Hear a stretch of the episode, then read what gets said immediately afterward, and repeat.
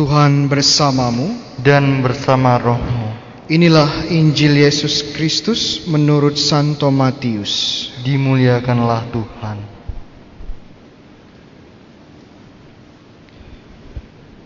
Sesudah Yesus bangkit dari antara orang mati, kesebelas murid berangkat ke Galilea, ke bukit yang telah ditunjuki Yesus kepada mereka.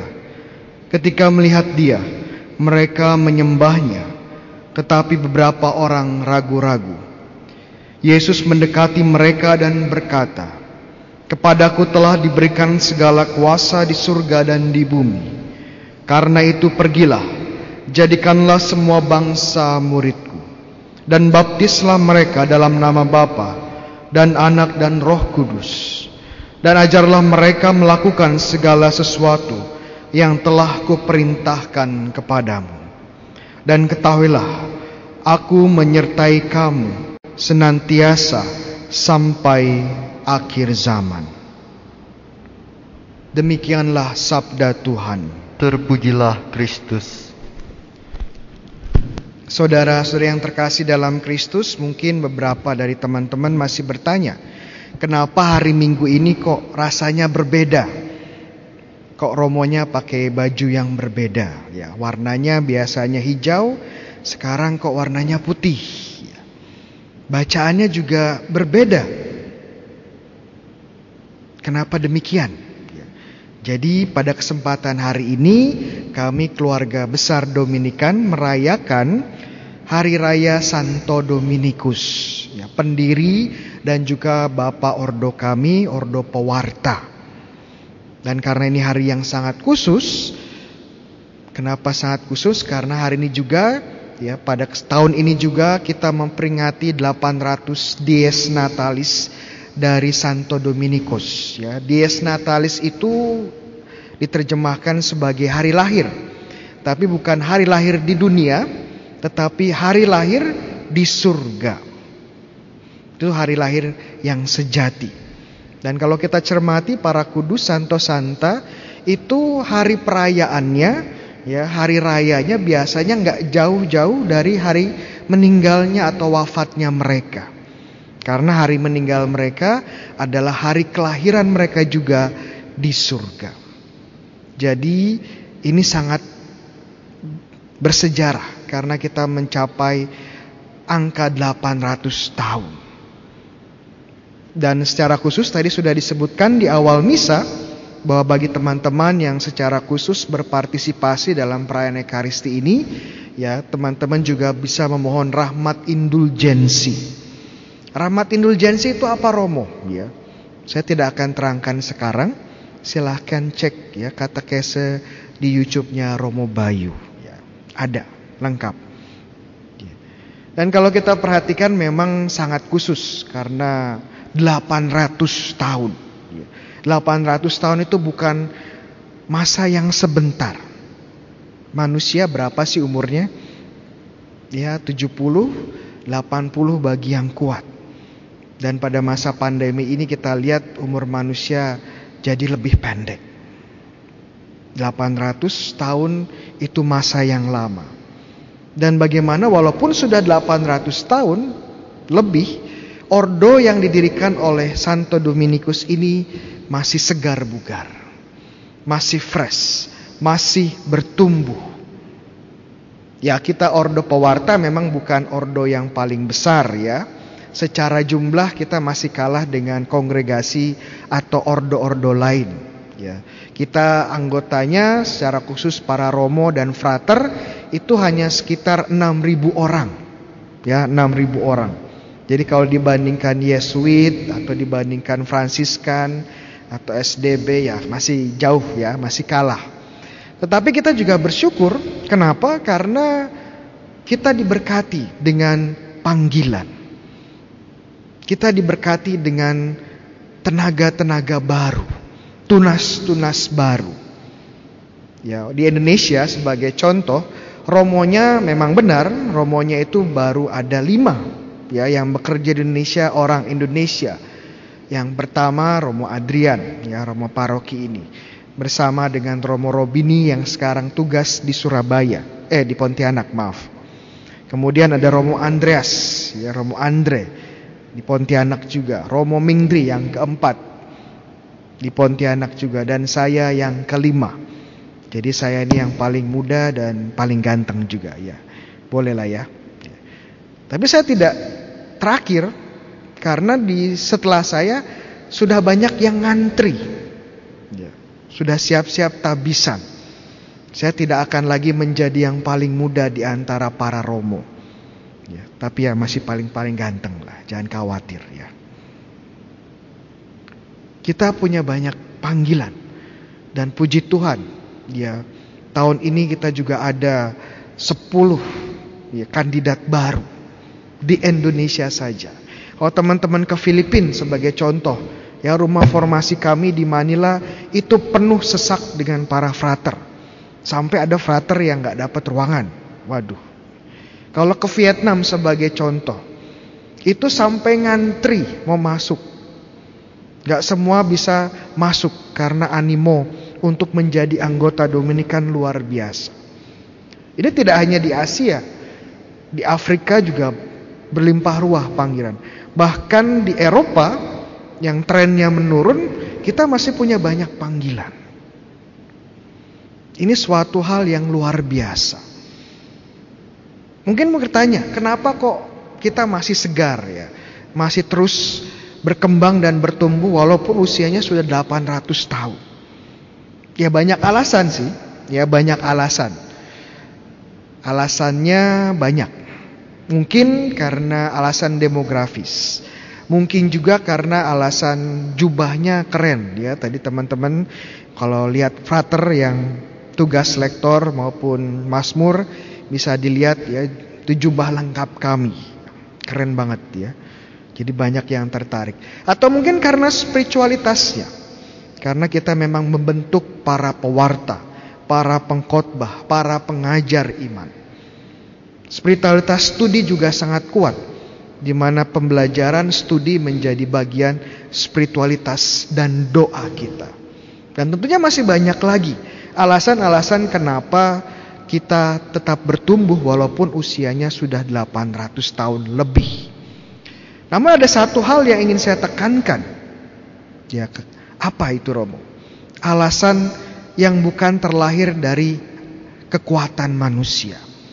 Ini adalah alasan rohani. Apa itu Romo? Bahwa Santo Dominikus itu juga terus berdoa bagi ordonya, bagi saudara dan saudarinya, sehingga terus berkembang. Ada sebuah cerita ya waktu Santo Dominikus ini mau meninggal ya, mau meninggal, dia bilang sama saudara-saudara yang ada di sekitarnya, ya bilang seperti ini, ya kalian jangan bersedih dan jangan menangis. Karena saya akan lebih berguna saat saya di surga daripada waktu saya hidup di dunia. Ini kata-kata yang luar biasa, ya, kata-kata yang sangat powerful. Bahkan katekismus gereja Katolik pun ya mengutip kata-kata ini menjadi bagian dari katekismus. Bisa dicek ya di katekismus gereja Katolik 956. Dan memang janjinya ini dibuktikan dan doanya di surga sangat efektif. Ordonya terus berkembang walaupun sudah mencapai usia 800 tahun. Memang karena usia yang cukup tua, kita juga sudah berpartisipasi ambil bagian dalam berbagai sejarah, berbagai peristiwa sejarah dunia maupun gereja. Dan memang nggak semuanya itu hal-hal yang baik. Ya. Nggak semuanya itu hal-hal yang memanggakan. Ya, kadang-kadang juga ada hal-hal yang kita terlibat di sana tapi kurang begitu baik. Apa itu Romo? Ya, saya nggak akan cerita sekarang. Rahasia. Ya. Kalau mau tahu masuk dulu. Ya. Ada momen-momen di mana kita juga sebagai ordo hampir saja kolaps. Ada momen-momen seperti itu. Ada momen-momen di mana kita juga terbelah. Contohnya di abad ke-15 waktu ada skisma gereja Katolik ya. antara gereja di Roma dan gereja di Avignon ya. Ada dua paus ya. Ordo pewarta juga pecah. Ada yang paus di Roma, ada ikut paus di Avignon. Tapi puji Tuhan saat gereja kembali satu, ya ordo juga menjadi satu. Banyak masa-masa sulit. Saat Revoli Prancis hancur semua biara Dominikan di Prancis. Tapi kembali lagi ya setelah 50-100 tahun. Dan sekarang menjadi provinsi-provinsi kuat di Prancis. Kita mengalami masa kelam, mengalami persekusi, tapi mampu bertahan. Kenapa? Bukan kekuatan manusia, tapi rahmat Tuhan, belas kasih Tuhan, dan doa Santo Dominikus. Doanya efektif. Boleh nanti dicoba ya, kalau ada permohonan. Yang luar biasa lagi adalah Santo Dominikus itu saat berdoa untuk ordonya, tidak sendirian. Dengan siapa Romo? Ya pasti dengan anggota keluarganya yang sudah ada di surga. Bersama Santo Thomas Aquinas. Bersama Santa Katarina Siena. Bersama Santa siapa? Rosa de Lima. Santo Martinus de Porres. Dan masih banyak lagi. Tahu nggak Santo Santa Dominikan ada berapa? Yang sudah dikanonisasi. Ada yang tahu nanti saya kasih pisang. Ada sekitar 60 lebih. Ini Santo Santaka yang sudah dikanonisasi. Belum lagi kalau kita menghitung Beato dan Beata. Satu langkah lagi menjadi Santo Santa. Itu ada ratusan. Belum lagi yang sudah di surga walaupun tidak dikanonisasi. Wah rame. Pasti di surga itu ramai sekali dengan santo-santa orang kudus Dominikan. Dan mereka sibuk. Sibuknya apa? Ya mendoakan para Dominikan di dunia. Para romonya, frater, para suster, para Dominikan awam, para simpatisan, para donor. Mungkin sekarang saya mewartakan sendiri. Tapi saya yakin ya para kudus Dominikan sedang mensupport saya. Sedang mencir, ya. Ayo Bayu, semangat dia. Ya. Kayak lagi nonton bola ya. Kalau saya belajar sendiri di kamar menyiapkan khotbah, menyiapkan pengajaran, ya saya sendiri. Tapi juga tidak sendiri.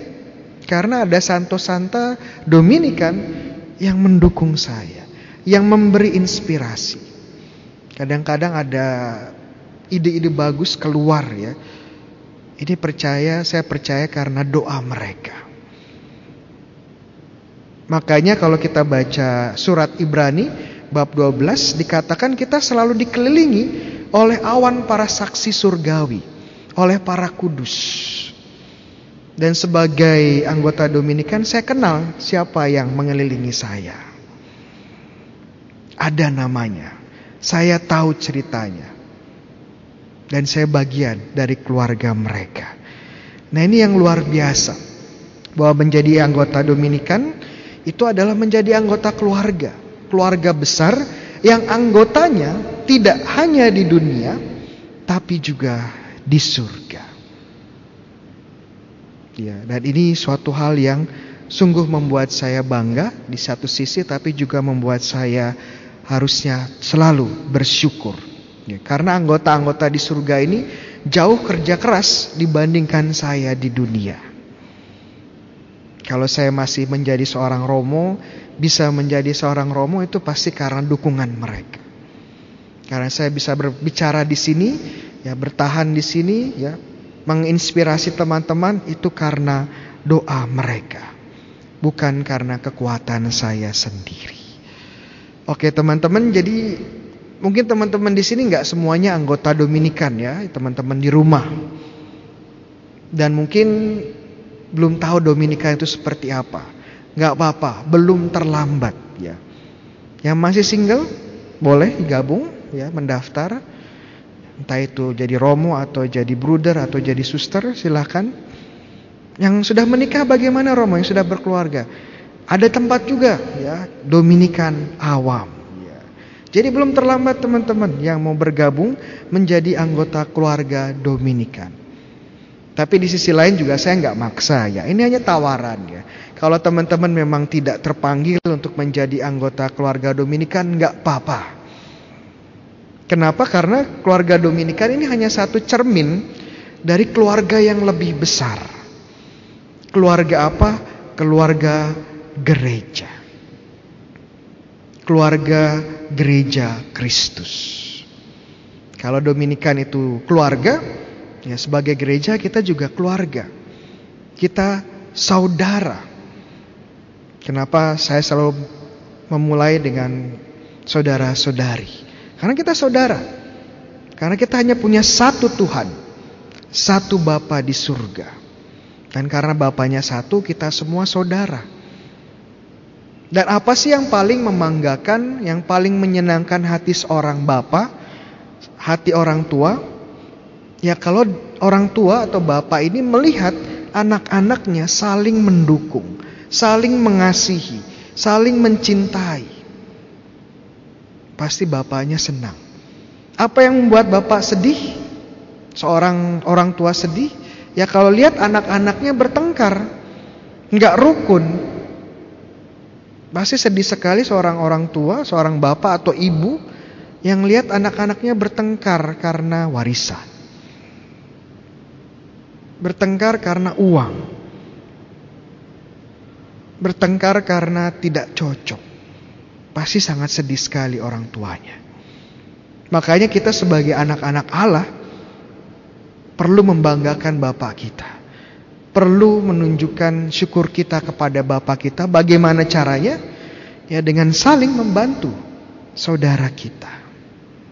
Sebagaimana saudara-saudara kita di surga mencintai Tuhan dengan mencintai kita, kita pun diajak untuk mencintai Tuhan dengan mencintai sesama kita.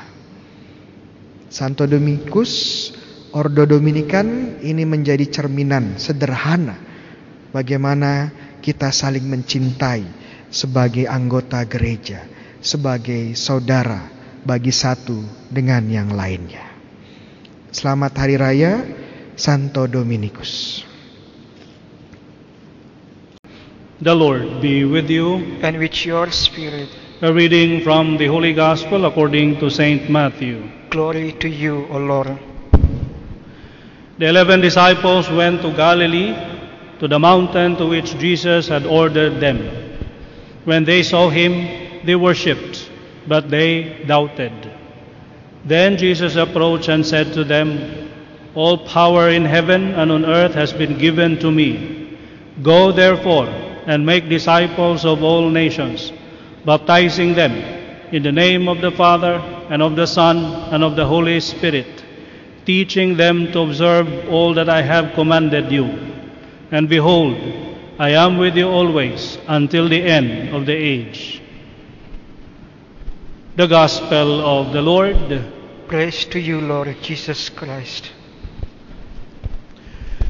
My brothers and sisters, good morning. Today we celebrate the solemnity of Saint Dominic. Now, the fathers here and the brothers here in uh, Redemptor Mundi, Surabaya, we belong to the Dominican order. We are Dominicans. Our founder is Saint Dominic. That's why we have the privilege to celebrate today uh, the solemnity of our founder, Saint Dominic. Earlier, you have seen the reader, uh, Frater Ferry, wearing the Batman's robe. No, it not, it's not a Batman uh, attire, but that's the complete Dominican habit with a black cape, black and white. That's why in the olden days, the Dominican friars are also called the Black Friars. What then is the legacy of Saint Dominic to us? Well, one thing that is quite popular, which might not be known to many, is the Holy Rosary.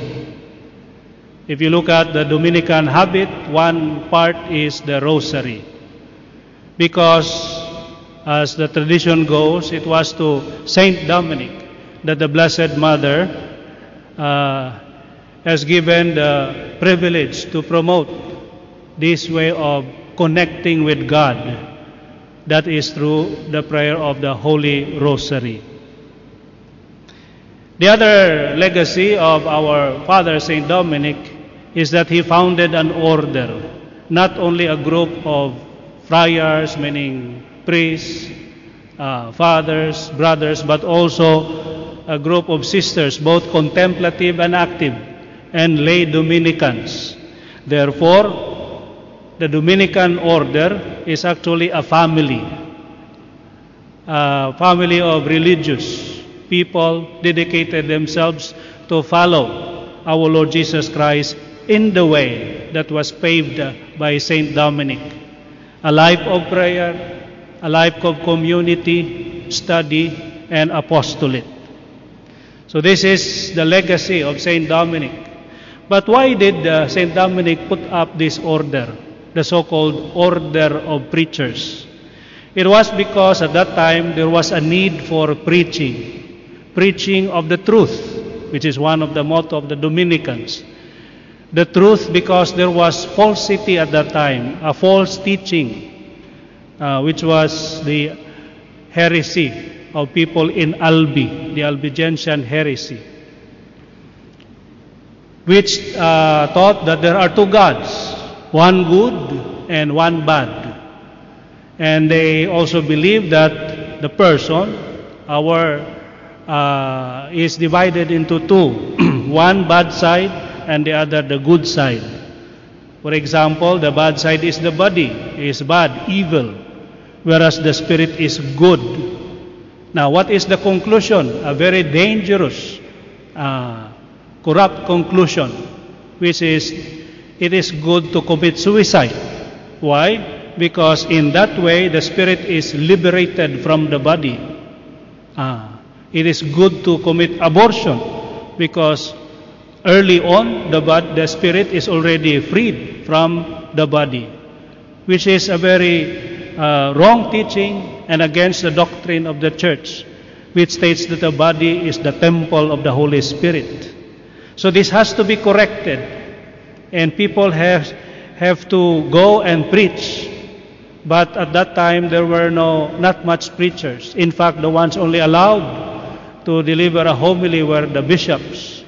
That is why for the first time the priests, especially the Dominican priests, were allowed to preach. So this is one of the charism of the order, uh, the fundamental calling, and that is to be a preacher. So this is the legacy of Saint Dominic. He went about preaching, preaching about truth. Now, what could be the basis of Dominican preaching? Uh, we have this motto, contemplata ali istradere, to contemplate and to share the fruits of one's contemplation to others. That's why one of the distinctive mark of Dominican life is a life of contemplation because that's where we source out our preaching. So, from the richness of our contemplation, we preach. Now, contemplation is an act of trying to search for God, to know God, and to see like God. So, to see God and to see like God. Of course, the first step, the first level would be seeing God. Now, in days like this, when there are so much difficulties, even death, other than hunger, people can hardly see God. What is the will of God? Where is God? Now, that's one aim of contemplation to see God, even in the midst, or especially in the midst of difficulties. When life is so troublesome, when we have so much problems and difficulties in life, what is the will of God? Where is God? Ah, that's why we contemplate, so that we can discern. We, our gaze will penetrate beyond the wall of these uh, unfortunate things that happen around us. The moment we contemplate, we begin to see God, see God's hand, God's presence in the midst of these uh, difficulties. But more than seeing God, it is really seeing like God. Uh, the moment we see like God, then that's a higher level of contemplation, a higher level of perception. Uh, this is now the difference between the time the apostles simply experienced resurrection. Uh, when they saw our Lord Jesus Christ risen from the dead, they recognized him at the breaking of bread. Uh, through those appearances, they recognized the Lord. Oh, it is the Lord. Just like when Peter and his companions were fishing, and the Lord asked, Have you caught anything? No, we have not caught anything. Okay, go further beyond uh, yonder, the deeper part of the ocean, and then lower your nets. And when they did, they caught so much fish. And then they recognized, oh, it is the Lord. So that is recognizing the Lord. But at Pentecost, they did not, do not simply recognize the Lord. They really see like the Lord. They do not only see God, but see like God. That is why they understood everything. And when they understood everything, they are not threatened anymore. We will put you in prison if you preach. We will persecute you. Or we will kill you. The apostle said, Yes, please. Why? Because they are not afraid anymore. Because they see like God. They see His mission. So this is the challenge for us in imitation of the ways of Saint Dominic to always contemplate so that we will be able to discern God's presence in our midst and hopefully see like God and then we will not be afraid anymore. So we go as the, uh, the gospel uh, invites us today to go to the rest of the world, to the whole world, and preach the good news, baptize people in the name of the Father and of the Son and of the Holy Spirit, and teach them everything that I have taught you. So, this is our challenge, not only for Dominicans. Of course, as an order, we commit ourselves specifically for the apostolate of preaching. But actually, the call to preach is for everyone, for every baptized because we are called to share the beauty of our faith. Uh, from our conviction, we share.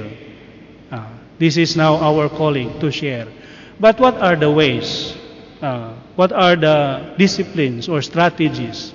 Of course, again, St. Dominic at that time instituted some of the effective strategies. One, of course, is itinerancy. If we were to go to the whole world, to go places, meet people, and celebrate life with them, we have to travel light. Travel light. If we have so many attachments, especially, uh, yeah, commitments, then we would be, it would be difficult for us to travel, to go places and meet people and celebrate life with them. So we have these so-called Dominican volunteers. Uh, this is a call for the lay people, the young people, after graduation, they go places, they travel to mission places. That is, that is that happens if they are not attached to so many things. That's why one of the strategy is to be itinerant, itinerant. But itinerancy might be difficult if we have so much commitments in life. That's why the other part, the other side of this coin is mendicancy. That's why the Dominicans in the olden days are known as mendicant friars, a mendicant order, an order of uh, beggars, because even for food they beg. Uh, one time, the brother sent to the mission uh, to the to the city to beg for food. They came home empty-handed. Well, not really empty, because uh, pious uh, lady gave actually gave them bread, but on their way home they met somebody more hungry than them, so they gave the bread. So they ended up coming home empty handed. So once again, the community anticipated hunger, but they were used to that. Then Dominic, Saint Dominic called the, fri- the friars and then said the blessing. And lo and behold, this is the miracle of the bread, meaning there came angels or men in white distributing food to the friars. But the main point actually is being generous, generous of one's uh, time, talent, and treasure. So this is now uh, our call. First is to receive the Lord in our lives, to contemplate, to, to enrich ourselves, to base ourselves, to ground ourselves in God through contemplation, through prayers. We hope to really see God in everything and hopefully, if possible, to see like God. Now, the moment we have reached that level, we go and share the gospel to others. Let's become itinerant and mendicant, relying only on God or mainly on God for everything. Because He assured us He has already conquered the world, He has the power, and He assured us of His presence. All we need to do is to believe in Him and go meet people, celebrate life with them, share the gospel. There will be difficulties, there will be trials, we will be persecuted. The Lord already mentioned it. If they have done this to me, they will do it to you. That's why it would be difficult. We will have uh, trials and persecutions. But He assured us of His presence. He will be with us until the end of time. So take courage, go and preach. Follow the footsteps of Saint Dominic. Amen.